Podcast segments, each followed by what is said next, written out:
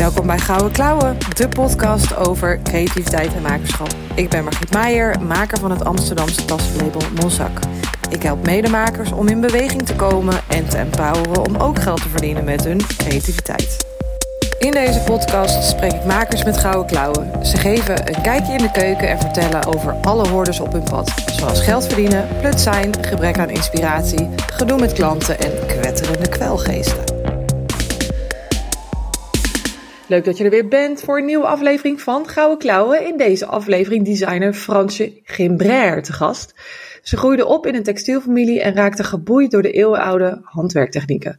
Ze besloot haar eigen innovatieve sausje overheen te gooien en deze ambacht in een nieuw daglicht te zetten. Ze studeerde af aan de Design Academy in Eindhoven met haar project, project Standing Textiles. Fransje onderzoekt voortdurend de mogelijkheden en toepassingen van textiel- en productietechnieken. En dat wierp haar vruchten af, want haar werk was te zien in het Designmuseum in Gent en in Den Bosch, het Textielmuseum in Tilburg en het Scottsdale Museum of Contemporary Art in de Verenigde Staten. En als kers op de taart won ze dit jaar de Harry Tilly prijs. Ja, gefeliciteerd daarmee, Frans. Wat tof. Ja, dankjewel. Hoe, hoe was dat om, die, om, om te horen dat jij de winnaar, eh, de winnaar was? Um, nou, eigenlijk toch wel heel bijzonder. Want uh, in eerste instantie wist ik, toen ik genomineerd was, heel eerlijk gezegd, kende ik de prijs nog niet. Um, toen ik eenmaal zag wie er eerder de prijs had gewonnen, dacht ik van, oh, dat is al heel wat. Um, maar toen uh, eigenlijk uh, we, dus in het Kuipershuis zaten met alle genomineerden, had ik eigenlijk zoiets van, ja, wat doe ik hier nog? um, uh, ja, de, de, andere, andere genomineerden zo ontzettend um, ja, talentvol en uh, ook, ook hele collectieve designers waar ik eigenlijk tegenop moest. Um, dat, dat ik was echt verrast toen, toen mijn naam viel. Ja, oprecht echt verrast. Wauw, wat tof zeg. En, en, en, en je, um, toen je eenmaal op het podium stond en, en je dat in ontvangst mocht nemen, geloofde je het ook wel? Dat je dacht, ja, heb ook wel vette dingen gedaan. Soms dan hebben dat soort momenten ook even, uh, heb je even nodig om een soort van met een, met een helikopterview te kijken naar dat wat je hebt gedaan, er echt afstand van te nemen, misschien dan te zien wat het waard is? Um, ja, en het hielp ook wel dat de jury meteen eigenlijk de, ja, de juryuitslag gaf. Dus hun, hun redenen waarom ze uh, mij de prijs um, toekenden. Um, dat hielp ook wel. Um, en, en het zijn wel dat soort momenten, of, of dat je net een heel groot project neerzet, dat je even denkt van, ja, jeetje, ik heb wel iets gedaan hier. Ja. Zo. Ja, en dat, uh, dat is af en toe wel nodig. Ja, en, en is het ook niet met jouw werk dat je, dat je zoveel, uh, ja, soort aan het ik weet niet of dat klopt hoor, maar het zie ik zo voor me aan het micromanagen bent. En heel veel van het werk zie je, zie je nog niet zo heel erg, omdat het zo onderzoekend is ook. En dat je ja. dat, je dat, dat hè, uiteindelijk dat eindproduct, dat je bent daar wel al die tijd mee bezig geweest, maar dat heb je niet gezien. En dan, dan ja, besef je eigenlijk misschien ook minder waar je, waar je mee bezig bent, omdat het niet zo fysiek is. Klopt, je hebt wel minder die momentjes van een soort van bevestiging of um, ja, die, die kleine uh, ja, die soort van positieve feedback momenten, die moet je eigenlijk zelf heel erg creëren, omdat je vaak inderdaad met die projecten zoveel maanden tot soms wel jaren bezig bent, um, waar je eigenlijk constant maar eigenlijk de energie insteekt. Um, dus, dus het is zeker dan um, ook wel heel belangrijk om daar actief op het moment dat je dan dus iets oplevert of dat er iets klaar is, om daar dan ook even de tijd voor te nemen om die realisatie binnen te laten komen. Voordat je weer gewoon doorgaat met de rest. Ja, en, en, en dan ook, ook wel eens zonder dat podium en die prijs. Hè? Dus dat je. Ja, zeker. Ja, of meestal. Uh, dat je, ja, maar dat, daar heb je best wel veel discipline voor nodig. Hè? Dat is ook weer dat, dat ondernemerschap en, en het ja, toch ook wel veel alleen moeten doen en alles uit jezelf moeten halen. Hoe, is dat, hoe vind jij dat? Um, ja, dat is ook wel pittig. En ik denk dat het over de jaren heen ook wel um, mm, ja, bewust aan het leren ben om um, niet alleen maar in die modus te zitten van uh, moeten en meer en die lat steeds hoger leggen. En En uh, dus inderdaad ook uh, je eigen waarde inzien, um, maar daar ook af en toe dus een moment voor nemen om, om ja, het woord vind ik altijd lastig om daarvan te genieten. Maar. um, dat lukt me dan nog niet echt altijd, maar wel dus al het bewustzijn van ja joh, maar je hebt dit wel gedaan. En kijk wat een weg je hebt afgelegd. Uh, niet alleen gewoon in de hele carrière, maar puur alleen al tijdens een project. Um, want dat is ook zo omdat mijn project iedere keer eigenlijk anders is. Moet ik ieder project als het ware het wiel opnieuw uitvinden. En dat brengt heel veel uitdagingen met zich mee. En ook vaak, gaat, vaak genoeg gaat het fout. Um, en dat zijn ja, enorme leerprocessen die super waardevol zijn. Maar ze kosten wel ook allemaal energie. Dus het is ook belangrijk om dan aan het eind dan toch ook te zeggen, of soms ook, tussendoor van, ja, maar kijk wat je nu hebt gedaan. Dat is eigenlijk al super goed. Ben daar trots op. Uh, en, en ja, dat is iets wat ik actiever probeer te doen. Ja, wat mooi. Ja, en ook, ook de, uh, ja, die tussenstapjes. Eigenlijk moet je een soort review hebben, een soort van mid-review of zo. Dat je je soort van op het midden dan zo, ja, je weet misschien niet wanneer het midden is. Omdat je, zowel als, een, als je een deadline hebt natuurlijk, maar dat je zo even terugkijkt en dat je een paar bewijsstukken hebt van, oh ja, hier begon ik. En, en toen was het dit en nu is het dit. Wow, dat is al best wel, en dat is waarschijnlijk ook de, de grootste stappen maak je, maak je juist door, door die fouten te maken en denk, oh ja, shit, die, op deze manier werkt het dus niet. Nou, check, afvinken. Uh, en dan wordt het steeds meer een funnel eigenlijk, hè? een trechter waar je zo mm. in terecht komt. Ja, en, en ik denk dat we dat eigenlijk allemaal al wel doen. Over het algemeen, als je toch ja, professioneel ontwerper of kunstenaar bent, dan zit je wel, je neemt die momenten van reflectie wel, maar uh, ik denk wat ook in onze maatschappij en in ieder geval heel erg de bubbel waar ik uitkom, die wordt aangeleerd, is dat die momenten van reflectie zijn om te kijken wat nog niet goed genoeg is, wat beter moet om te presteren, om uh, ja, jezelf plek te geven op die markt. Um, dus dat het, het ja, vooral gaat om een mindset shift in die zin. Om juist op die punten van reflectie ook even stil te staan bij de dingen die wel goed gaan. Um, want ja, ik denk dat het niet voor niets is dat de, het gros van de mensen tegenwoordig niet alleen weet wat een burn-out is, maar er ook zelf mee gedeeld heeft. Um, dat het heel belangrijk is om um, ja, um, ook, ook de positieve en de meer helende kanten en voedende kanten te stimuleren dan enkel maar inderdaad die output van energie en uh, presteren. stimuleren. Ja. ja. En is dat, hoe is het jou gelukt om, zo, om, eh, om dat in te kunnen zien? Nou ja, ik denk gelukt klinkt alsof ik het nu helemaal, helemaal heb. Uh, helemaal Wanneer heb jij het licht gezien? ik ben helemaal uh, verlicht en zwevend en het gaat allemaal super. Dat is natuurlijk, uh, nou, dat is ook helemaal niet waar. Maar um, ja, ik ben wel vaak genoeg geconfronteerd met um, vooral eigenlijk ja, fysieke klachten. Um, dus dat eigenlijk de druk.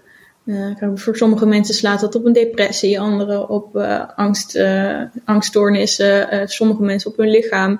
En voor mij is dat inderdaad op mijn lichaam geweest. Dat de mhm. druk, um, nou ja, mijn hoofd die kon wel doorgaan, maar mijn lichaam die zei gewoon stop. Ja. Um, en dat, ja, daar, daar heb ik, ik pluk ik nu nog de vruchten van, maar ik probeer daar dus wel inderdaad anders mee om te gaan om daar, um, om dat deel van mezelf uh, te helen en uh, rust te geven.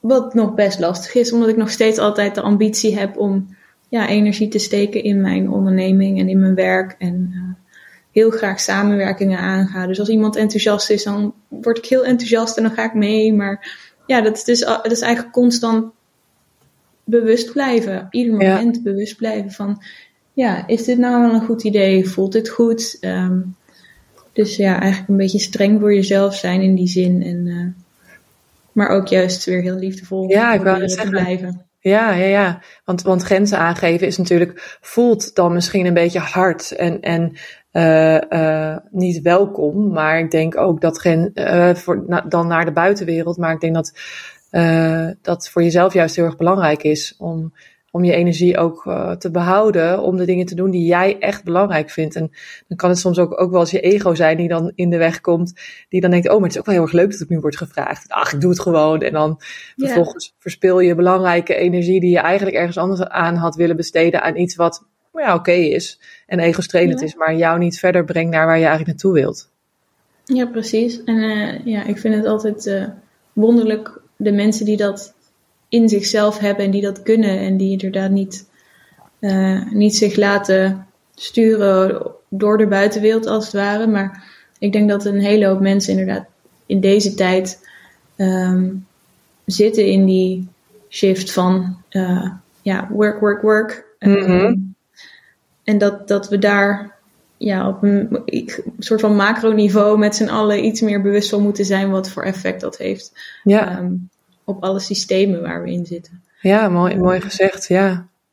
En, en is het ook niet, of als, als jij dat dan zo zegt, ja, sommige mensen kunnen dat, kunnen dat natuurlijk. Zou het niet zijn dat die mensen de, uh, al een stapje verder zijn dan jij en dat dus al doorhebben en dus er anders mee omgaan? Kan uh, zeker. Um, ik denk natuurlijk, er, er, zijn niet, er zijn allerlei nuances natuurlijk aan te brengen daarin ook. Uh, er zullen ook mensen zijn die misschien juist uit een verdedigingsmechanisme zeggen van uh, juist extra hard roepen, weet je wel. Die, mm-hmm. die, dat niet voelen van binnen, die zullen er vast ook zijn. Maar uh, ook mensen die inderdaad wel al verder zijn in dat proces.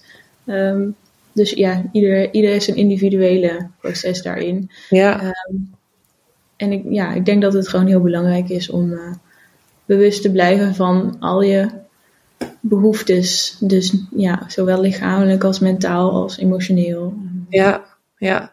ja, dus dat het uiteindelijk niet alleen maar om, om dat werk draait. En, en dat is natuurlijk met iets wat jij doet, wat ik doe, als het je passie is, dan, dan is het ook heel erg moeilijk om die scheidslijn te vinden. Hè? Dan, dan, dan, uh, ja, dan vind je het ook heel vet om, om ermee bezig te zijn. En dan is het misschien nog wel nog harder werken om soms nee te zeggen, omdat je, ja, je, je gewoon op bent uh, op dat moment. Ja. Hey, en, en, um, en als we dan heel even helemaal terug, rewind, rewind gaan. Uh, uh, je groeide op in een textielfamilie. Hoe, hoe was dat? Was er ook ruimte voor, voor creëren al in je vroege jeugd? Um, nou ja, ik denk van oudsher zit ik, kom ik inderdaad uit um, nou ja, de Gimbraire familie. Dat sommige mensen in de zuidelijke regionen kennen dat ook nog wel van de kledingwinkels. Maar is in ieder geval al een lange lijn geweest van uh, um, ja, textiel. Uh, maar ook aan mijn, aan mijn moeders kant um, leerlooierijen. En daar, daar zweefde altijd wel iets van. Die, weet je, dat, het is toch van ja, waar kom je vandaan? Maar het was niet iets wat superveel op de voorgrond lag wel bij de ouders die creatief zijn. Um, maar ik had eigenlijk altijd ja, het, het soort van, uh, als het nu gaat over deze periode met de Barbies en zo. Um, als ik poppen of Barbies of iets had, dan ging het mij helemaal niet om het een soort van die, spelen met de poppen zelf of verhaaltjes doen. Maar ik wilde altijd alles mooi maken, mooi neerzetten. Een soort van uh, scènes maken. En, maar dat deed ik ook met, me, met mijn eten. Als ik daar, als ik mijn eten niet wilde opeten, dan, ja, dan stond er op een gegeven moment een soort van vissersmannetje aan een vijvertje die aan het vissen was met een hengeltje. Dat was, ja, dat maakte ik van mijn eten. dus, dat, ja, dat, uh, dus de hutspot was de vijver?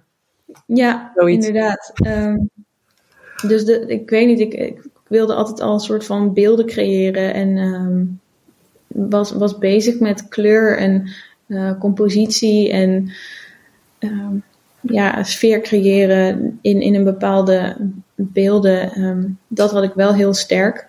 Um, en dat, dat heeft ook altijd wel een soort van: oké, okay, waarschijnlijk ga ik iets creatiefs doen. dat, dat, voelde, dat zat er wel. Um, maar aan de andere kant had ik ook de behoefte om heel veel meer te leren en over het menselijk lichaam. Dus tijdens mijn middelbare schooltijd wilde ik eigenlijk heel graag medicijnen gaan studeren. Um, had ik bijvoorbeeld chirurgie op het oog. Um, maar in die tijd werd, uh, werd er nog gelood uh, en, en, werd ik uitgelood uh, en uh, toen dacht ik toch van ja, dan is eigenlijk de enige optie is kunstacademie. En daarin was dan voor mij de enige optie de Design Academy.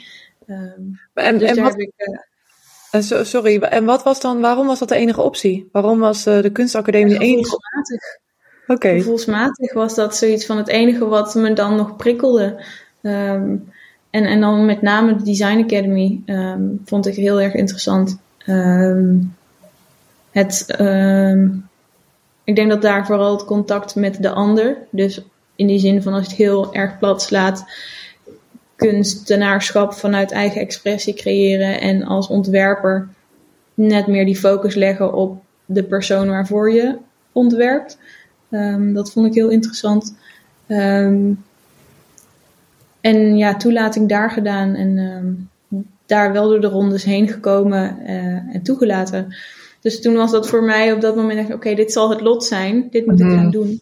En ik ben daar eigenlijk volledig ingedoken. En pas eigenlijk toen ik daar afstudeerde, kwam de wereld van textiel weer opzetten.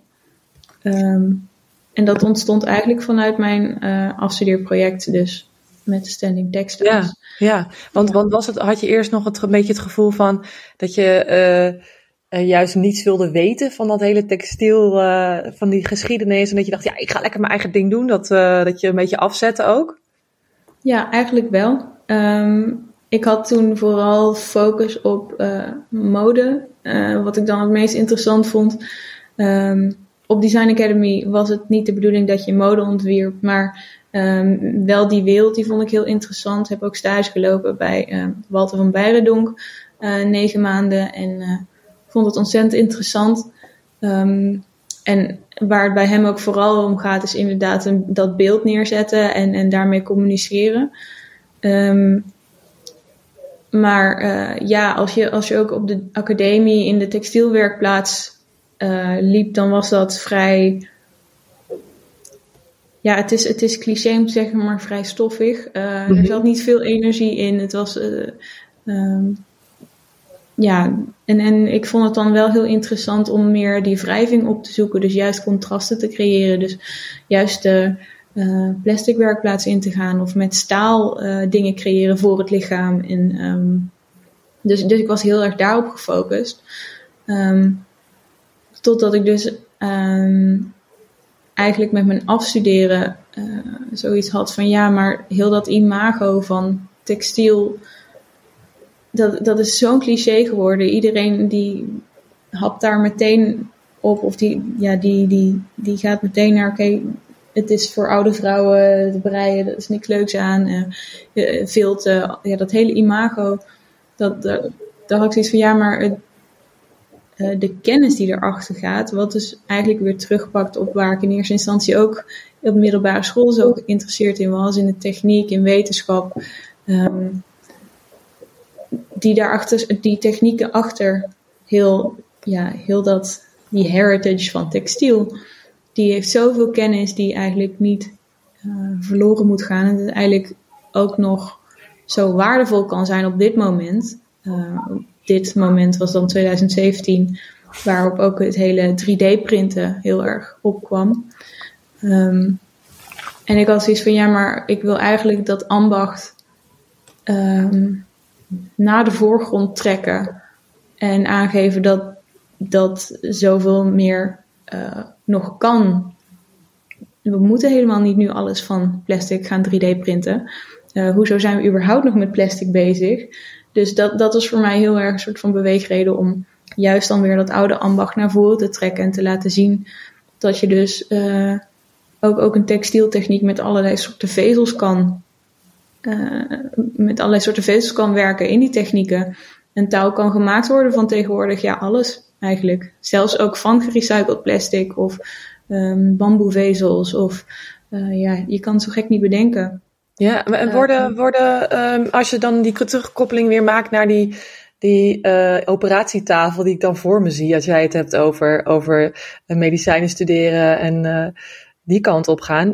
In die wereld wordt ook steeds meer met textiel gewerkt. Klopt dat? Dus, dus bijvoorbeeld um, ader, aderen of aders. En, en uh, uh, bepaalde delen van het lichaam worden vervangen voor geweven um, materialen. Dat is, dat, dat is ook zo boeiend. Het is overal toepasbaar eigenlijk, hè? Ja, ja, en ja, het gaat helemaal terug tot het begin van de computertaal, waarbij juist dat uh, eigenlijk de, de punchcards van de Jacquard um, uh, weefgetouwen, dat die eigenlijk de voorloper zijn geweest van het binaire computertaalsysteem. Mm. Uh, weet je wel, het, het is eigenlijk ja, klinkt dan ook weer heel erg pun intended, van het is eigenlijk helemaal verweven in onze samenleving. Um, en het mooie vind ik ook, uh, wat ik ook later steeds meer ontdekte, dat um, de, de technieken zoals bijvoorbeeld het weven, dat die zo um, aan de mens gebonden zijn. Dus het maakt niet uit waar in de wereld je komt. Er zijn op verschillende manieren, in verschillende tijden, uh, is het weven ontstaan. Um, er is niet één iemand begonnen in, ergens in de wereld en dat is verspreid. Er zijn gewoon verschillende stammen geweest die dat, die techniek zelf um, ja, eigenlijk hebben bedacht en gecreëerd en daar een eigen manier op hebben. Dus, dus het is een, en dat vind ik wel heel fascinerend. Dat een dergelijke techniek kan ontstaan uh, en nog altijd zo zoveel voor ons betekent, maar dat we daar helemaal geen erg meer in hebben. Ja. Dat we niet doorhebben wat we dragen, waar we onze banken mee bekleden, wat we op onze vloer of voor onze ramen hebben hangen, uh, hoe dat gemaakt is, uit wat voor vezels, uh, wat ook die effecten daarvan zijn. Um, ja, maar ik denk ook dat mensen, dat, dat als je zelf maakt, dat je dan, uh, dus, dus onze moeders die, uh, of mijn moeder in ieder geval, die mijn kleding maakte, uh, en, dat is ook waarom ik die vraag stelde van de, de weerstand erbij voelen. Want mijn moeder had een modevakschool en uiteindelijk heeft mijn zus Engels gestudeerd. Ik ben dan wel de mode ingegaan, maar ik ben de leerkant op gegaan. Maar zij heeft, mijn zus heeft dus ook een, een, een modevakschool, is een modevakschool gestart. Dus waar je in eerste instantie denkt, oh gadvermam, nee, we gaan helemaal niks met naai doen. We willen er niks over weten, over zelf kleding maken en textiel. En uiteindelijk ga je het toch doen. Dat je... Mm -hmm dat die generatie uh, uh, met de materialen werkt. Die de materialen door de handen heen laat gaan, die erin knipt, die er, uh, die er uh, voor, die voor het ene materiaal wel kiest en voor het andere materiaal niet kiest om iets mee te maken, dan ben je er nog mee verbonden. Maar omdat we tegenwoordig alles kopen, en, de, mm -hmm. en, en, daarbij de prijzen natuurlijk bizar zijn die je daarvoor betaalt, is die hele verbinding daarmee uh, uh, kwijtgeraakt. En daardoor denk ik dat het zo belangrijk is dat er jonge mensen zijn zoals jij die die, die die verbinding weer leggen en, en hopelijk daarmee een generatie weer meetrekken. Hoe, hoe zie jij dat? Um, ja, ik denk dat daar zeker een punt in is. Natuurlijk, wat je zegt, het komen van een lijn waar, dat, uh, ja, waar men inderdaad wel met materialen bezig is, dan ja, je wordt daaraan blootgesteld. Dus je hebt inderdaad die verbinding. Uh, maar ik denk ook dat mensen die dat niet hebben nu veel meer wel die verbinding zoeken of vinden, omdat ja, ons hele ecosysteem, ons milieu, ons, onze maatschappij daar eigenlijk ook nu om vraagt en op aanstuurt, onbewust.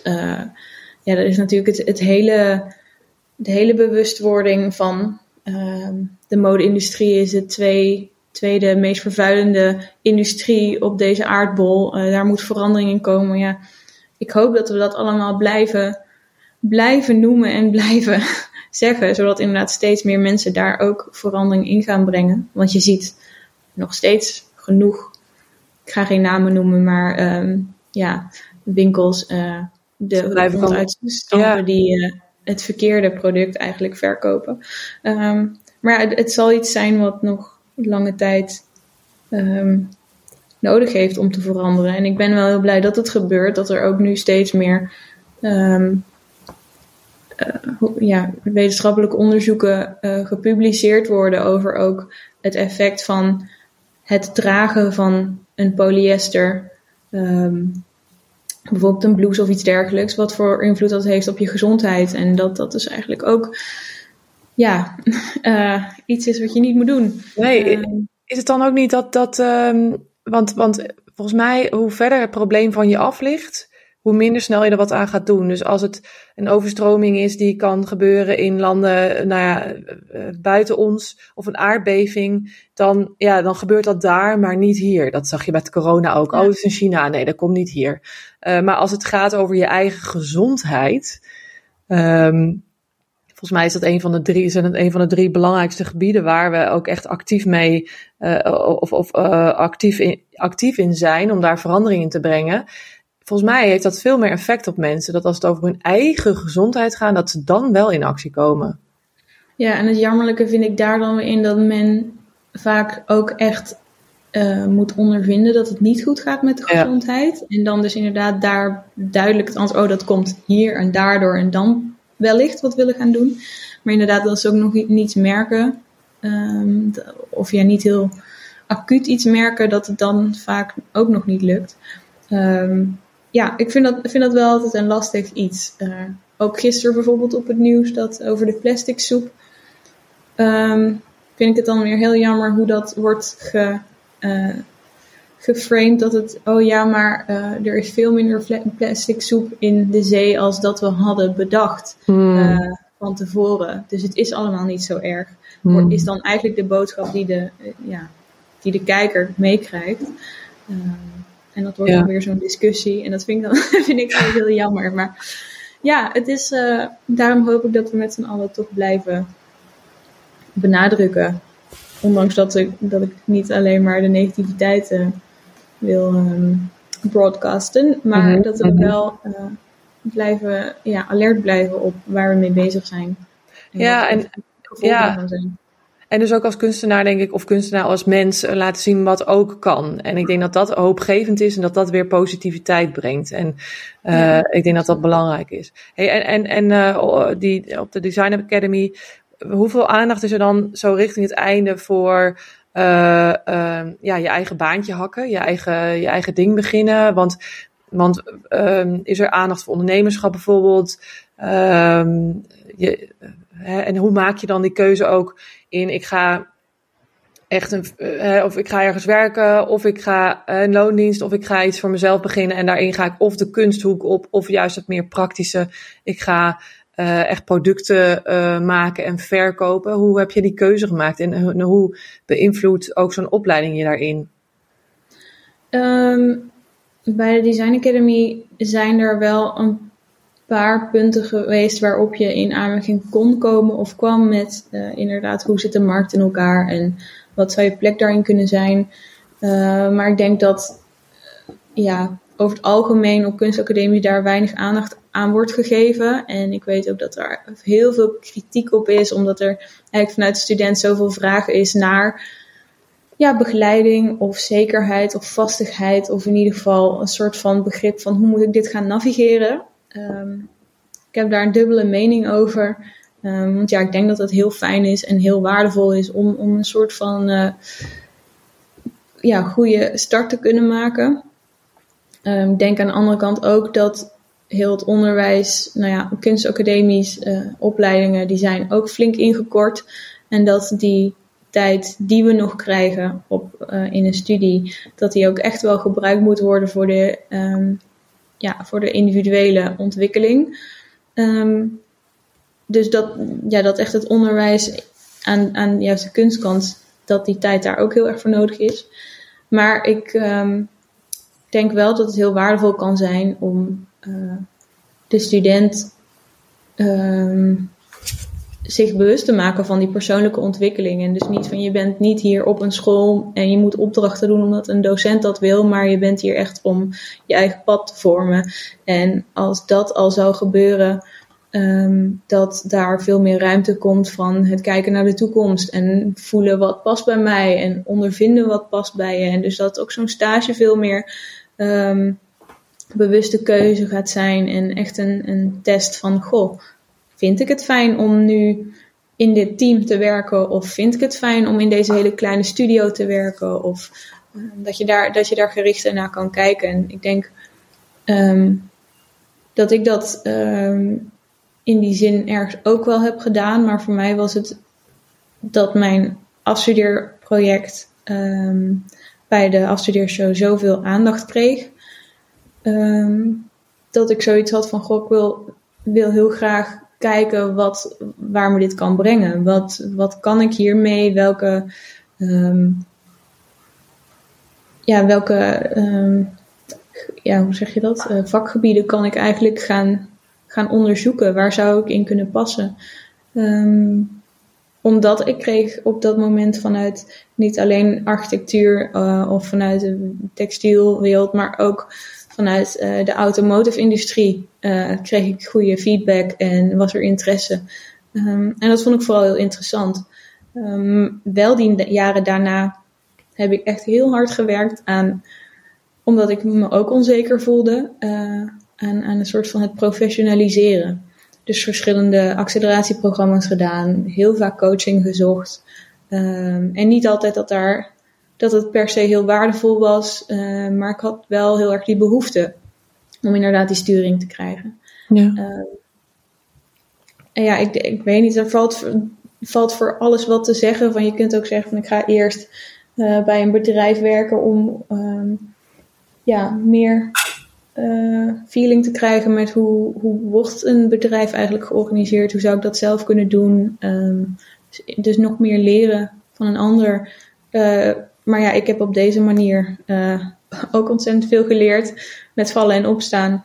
en ben nog altijd aan het leren wat dat betreft. Ja, en ik denk ook wel dat je, dat je in zo'n opleiding, dat daarin dus vooral je, je talent zo omhoog borrelt. Hè? Dat wat je waar je, waar je, je hart van gaat tikken, waar je je blij door voelt, dat je daar steeds dichterbij komt, hopelijk. En dan, uh, dan neem je dat mee de wereld in als je afgestudeerd bent. En waarschijnlijk zijn dan die, die lovende reacties of die interesse een soort van, ja, toch uh, wegwijzers misschien wel. En dat je dat, dat je dat dan misschien gaat volgen, omdat je denkt, ah, dan, dan, dan is daar dus blijkbaar interesse in. En dan ga je daar dat gevoel of dat, dat achterna. En dan ondertussen ben je ook weer iets nieuws. Een soort van nieuwe zoektocht, zoektocht aan het, uh, aan, het, aan het doen naar wat is dan je, uh, dat, in dat ondernemerschap. Wat vind ik daar dan leuk in als ik mezelf moet neerzetten in de markt? En hoe doe ik dat dan? Eigenlijk begin je dan weer een hele nieuwe reis hè? met die bagage die je al uit die opleiding hebt gedaan. En dan uh, en daarin wordt het dan ook steeds duidelijker, oké, okay, iedereen is blij hierover, maar word ik er eigenlijk wel blij van? Want, want is ja. dat, ja, is, ben je daar, heb je, heb je het gevoel dat je daar wat dichterbij bent, bij waar echt je talent ligt, wat, wat niet, wat, uh, wat de energie geeft in plaats van wat in, energie zuigt? Um, ja, ik denk, um, ik denk dat dat ook, ook nog steeds vormt en dat je dat uh, eigenlijk ook aldoende steeds meer gevoel van krijgt. Want dat was ook op het begin dacht ik, ik moet alles weten. Um, en ik moet daarom vandaar ook dat gevoel van ik moet weten hoe ik een uh, onderneming run. En dus ik moet nu al die cursussen gaan doen en alles begrijpen. En, um, maar, maar merkte ook dat ieder project en iedere samenwerking en iedere klant ook weer anders is. En die, dat die ook wat anders van je vraagt. Uh, dus dat je dat niet allemaal van tevoren kan weten. En dat je dat ook gewoon een heel groot deel moet ondergaan. Um, en ik denk dat, dat voor mij dat energiezuigende was. Dat ik het gevoel had dat ik het allemaal al moest kunnen. Ja. En helemaal op die top. Ja, zo van ik ben nu afgestudeerd, dus ik mag het niet meer fout doen. Um, en dat, dat ik daar nu steeds meer mijn rust in vind. Dus veel meer observeren, analyseren en dan adequaat handelen. Um, en, en dat, dat geeft aan zich al een hele hoop meer rust. Ja, en ik, en ik denk uh, ondertussen vorm je je ook als mens. Dus, dus uh, weet je steeds beter wat je wel goed kunt en wat je niet goed kunt, waar je blij van wordt, waar je minder blij van wordt. En dat, dat maakt je stabieler, waardoor je uh, op die momenten die nieuw misschien even voelen, ja, wat, gewoon meer steady bent. En dan dus ook ja, betere keuzes kunt maken, denk ik. En, en, en ik bedoel ook die vraag die ik net stelde met, met waar je ben je dichter bij, bij dat vuurtje in je. Ik denk dat dat vuurtje ook door je leven verandert. Dus misschien had ik er nog even bij moeten zeggen op dit moment. ik denk dat dat... Ja, nee, maar ja. Ik denk dat wat je zegt echt, in de roos is, inderdaad. Dat, dat, zo zie ik dat ook. Um, en op dit moment Nou ja, ik heb, het ja, ik heb dan een soort van, ook met die Harry Tilly prijs was dat echt een, ehm, een mijlpaal. Vooral omdat ik toen net een soort van een vijfjarig bestaan had. Ehm, en het voelde dan als een soort van kers op de taart op dat moment. En, um, maar ook na dat vijf jaar, dat, ja, ik weet niet of dat een soort van idee fix is of dat het ook echt zo voelt. Maar toch het gevoel van, goh, ik heb nu vijf jaar gedaan. En dan het gevoel van, ik kijk terug op vijf jaar en wat wil ik de komende vijf jaar. En ik denk dat ik daar nu, daar nu mee bezig ben met het eh, onderzoeken van wat, wat gaat die um, nieuwe stip op de horizon zijn. Of um, dat, ik, dat ik daar ook de ruimte voor wil hebben om weer een soort van een nieuw creatief proces in te duiken. Een nieuwe ontwikkeling. En dat vind ik wel heel, heel fijn dat het, uh, ja, het voelt echt als een periode. Um, niet per se afsluiten, uh, maar wel als ik nu ik kan opnieuw beginnen of kan nu gaan bijsturen. Uh, de basis is gelegd en nu kan ik gaan bijsturen naar een nieuwe. Ja, naar een nieuw vuurtje dan misschien. Ja. Naar een nieuwe ja. spark. Ja, want ik denk dat er, er zijn gewoon meerdere dingen in je leven waar je uh, enthousiast van wordt. En misschien blijf je wel in hetzelfde materiaal, maar wordt het eindresultaat iets anders? Of, of is het een heel fijn uh, fijn verschil, uh, klein verschil in, in de werkwijze of zo, maar dat je dat weer aanzet. Ik denk dat het dat zo mooi is uh, aan het leven, maar ook aan ondernemerschap. Is dat je het zo, het is aan de ene kant spannend en lastig, maar aan de andere kant het is zo vormbaar en, en je kunt daar zo je eigen ding pas in kiezen. Alleen je moet jezelf toestaan om, wat jij ook al zei, die fout, fouten ook te kunnen maken en lessen te mogen leren. En, ja. Uh, dat, dat is die, die vrijheid vind ik waanzinnig aan ondernemen. Ja. Hey, en en um, um, een vraag uh, die um, een collega van ons stelde, Marten, op Instagram, was een vraag die luidt: het, het werk wat je maakt is, is niet per se volgens mij voor consumenten. Het is echt meer kunst. Uh, mm-hmm. hoe, hoe, hoe vind jij jouw opdrachtgevers of hoe vinden zij jou? Als je het dan hebt over jezelf verkopen, hoe doe, je, hoe doe jij acquisitie en, en hoe, hoe, hoe krijg jij projecten naar je toe? Ja, dat is een goede vraag. Inderdaad is mijn werk niet heel commercieel. Um, ik denk dat ook uh, eigenlijk alles wat ik tot nu toe heb gemaakt een soort van one-off zijn of echt site-specific werk. Dus uh, echt gemaakt voor een bepaalde ruimte. Um, en um, ja, als je ook kijkt naar mijn opdrachtgevers, zijn dat ook, zit daar ook verschil in. Want ik heb wel ook particulieren die, die mijn werk mooi vinden en graag wel voor in hun huis of iets dergelijks een werk zouden willen. Um, maar omdat ik eigenlijk, mijn praktijk bestaat uit uh, aan de ene kant het onderzoek, ja, en, en aan de andere kant dus de creatie, als ik het even zo kan noemen. Um, vanuit mijn ongoing, dat onderzoek wat altijd blijft lopen en wat altijd groeit en wat altijd um, ja, vergroot als het ware, wat altijd uitzet, daaruit komen hele mooie um, ja, ontdekkingen en ontwikkelingen. En die ontdekkingen of ontwikkelingen, die gebruik ik of ik creëer daar iets van en dat, daar wordt interesse in. Of ik gebruik dat wanneer ik een opdracht krijg voor een kunstwerk. Um, dus op die manier kan ik eigenlijk altijd mijn ei kwijt. Um, maar omdat ik dus dat onderzoek uitvoer, ben ik ook in beeld bij bepaalde instanties. Um, en voor mij was het, uh, is dat bijvoorbeeld de gemeente Tilburg. Uh, die, die hebben het hele uh, gemeentehuis gerenoveerd. En voor hun uh, raadzaal hadden zij, wilden ze graag een iconisch kunstwerk dat boven de raad zou komen te hangen.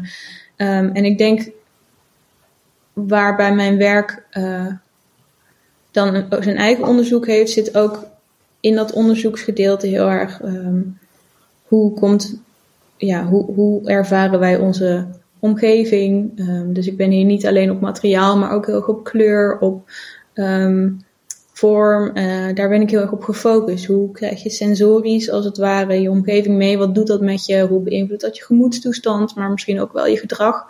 En dat is het interessante wellicht voor uh, ook uh, geweest voor een, zo'n, zo'n raadzaal.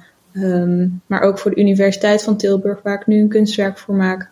Ehm, dat als toevoeging. En ik denk dat dergelijke instanties zowel de innovatie interessant vinden, dus inderdaad het onderzoek naar textieltechnieken, wat ik dan bij het Textiel in Tilburg doe.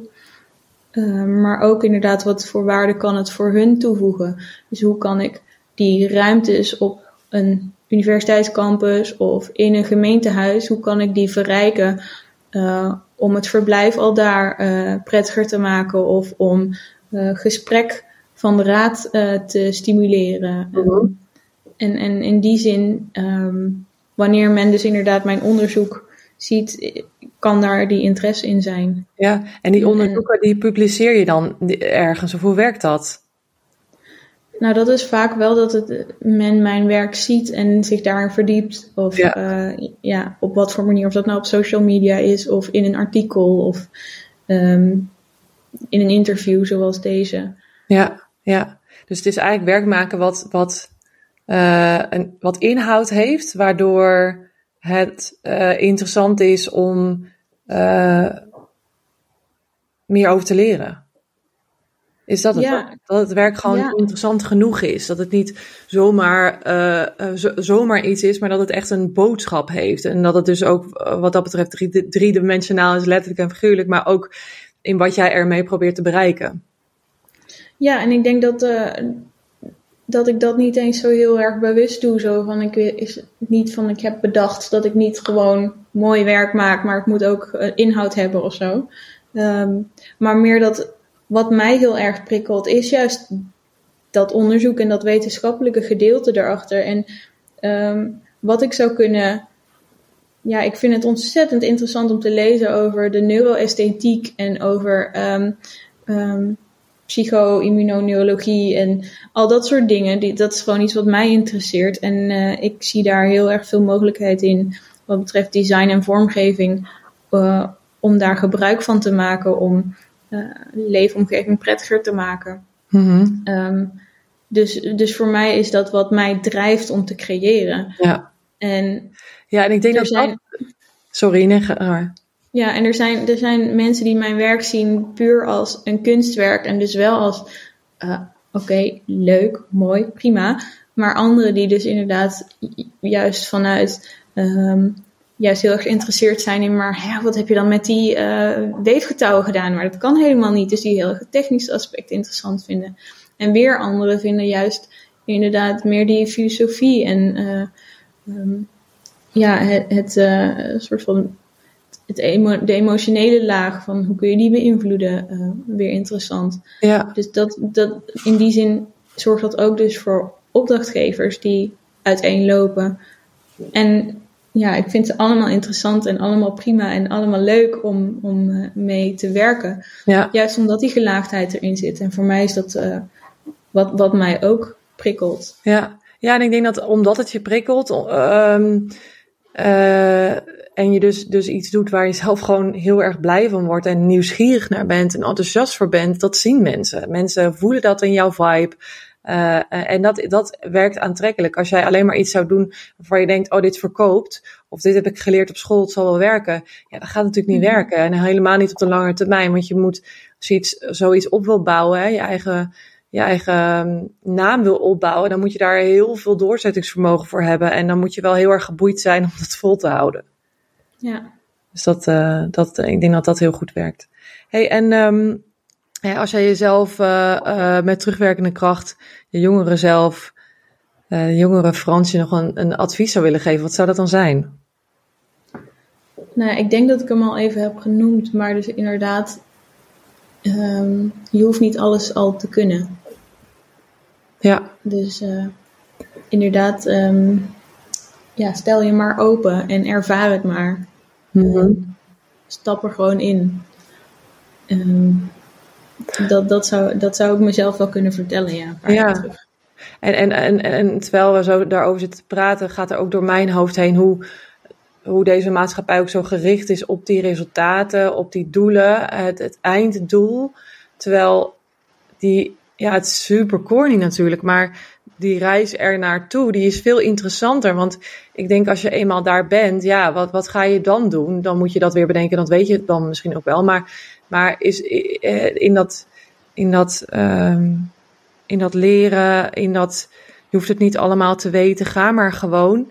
Daar zit, daar zit ook die levenslust, toch? Dat, dat, dat, dat maakt ook uh, dat je door pieken en dalen gaat, maar dat zorgt ook dat je het gevoel hebt dat je leeft.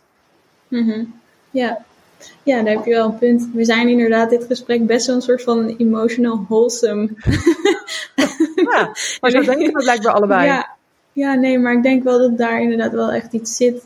Um, ja, ik, en ik weet niet, ik had om eergisteren toevallig zo'n zo'n leus weer op, op een Instagram die voorbij kwam, zo'n quote.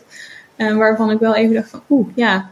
Um, en wat aansluit op wat jij zegt, uh, dat was eigenlijk van, um, uh, iedere, iedere dag die je voorbij gaat is een, ja, is een dag die je, of ja, een dag die je niet meer zal leven of zo. Mm -hmm. je dag, ja, je leven wordt een dag korter iedere dag.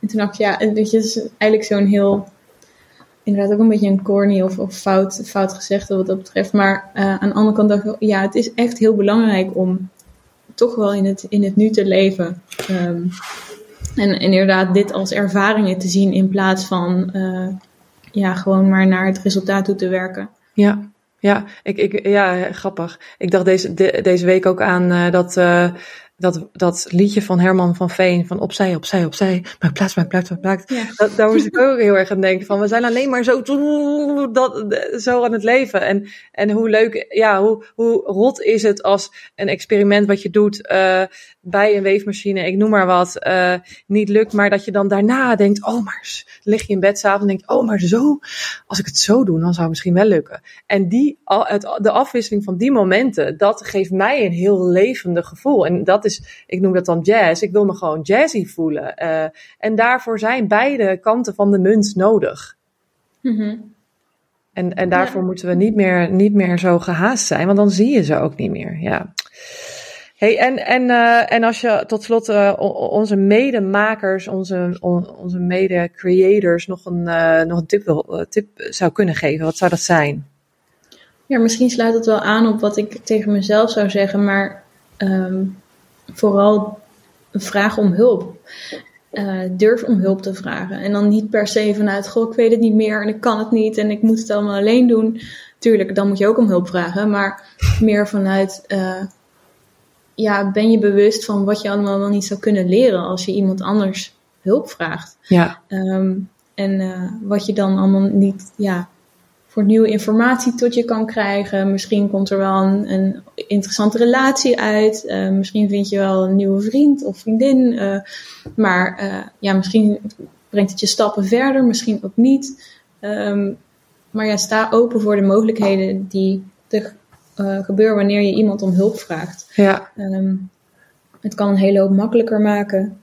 ik denk dat dat heel waardevol kan zijn. Want het is, er is ook zoiets, ik weet niet of het per se heel Nederlands is of van deze tijd, maar uh, ook, ook zoiets van je mag niet om hulp vragen, want je zou het eigenlijk al allemaal moeten kunnen. Mm, ja. um, dat je, je mag geen zwaktes laten zien. Um, en ook bang dat uh, als je dingen deelt met iemand, dat, dat misschien iemand wel met je ideeën ervan doorgaat. Of weet je wel, we leven zo in angst in die zin.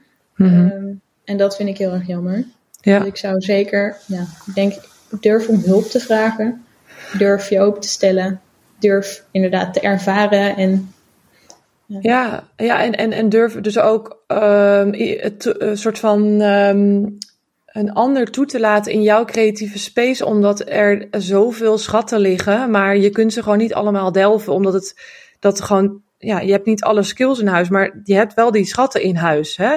En, en uh, gun, gun jezelf het, maar ook de wereld, om daar naar op zoek te gaan en daarin hulp te vragen, omdat uh, we de schatten nodig hebben. Dus zo probeer ik het ook altijd een beetje te reframen van, uh, van er zit ook weer iets egoïstisch in om niet hulp te vragen, want er blijft er zoveel moois on, onontdekt in jou liggen waar wij, waar, wat wij nodig hebben. Ja, zo kun je het inderdaad ook zien. Ja. ja. Ja. Hey uh, Fransje, ik, uh, ik ga hem afronden, want uh, hè, ik had, had gezegd, ik wil onder de 50 minuten blijven. Mm-hmm. ik vond het een heel leuk gesprek. Super, super dank voor, je, voor, het, voor het kijkje in, jou, in jouw creatieve brein. Hey, en als je deze podcast hebt geluisterd, met plezier, geef hem vooral sterren. je kunt ook reageren tegenwoordig hier onder de podcast. En tot de volgende keer.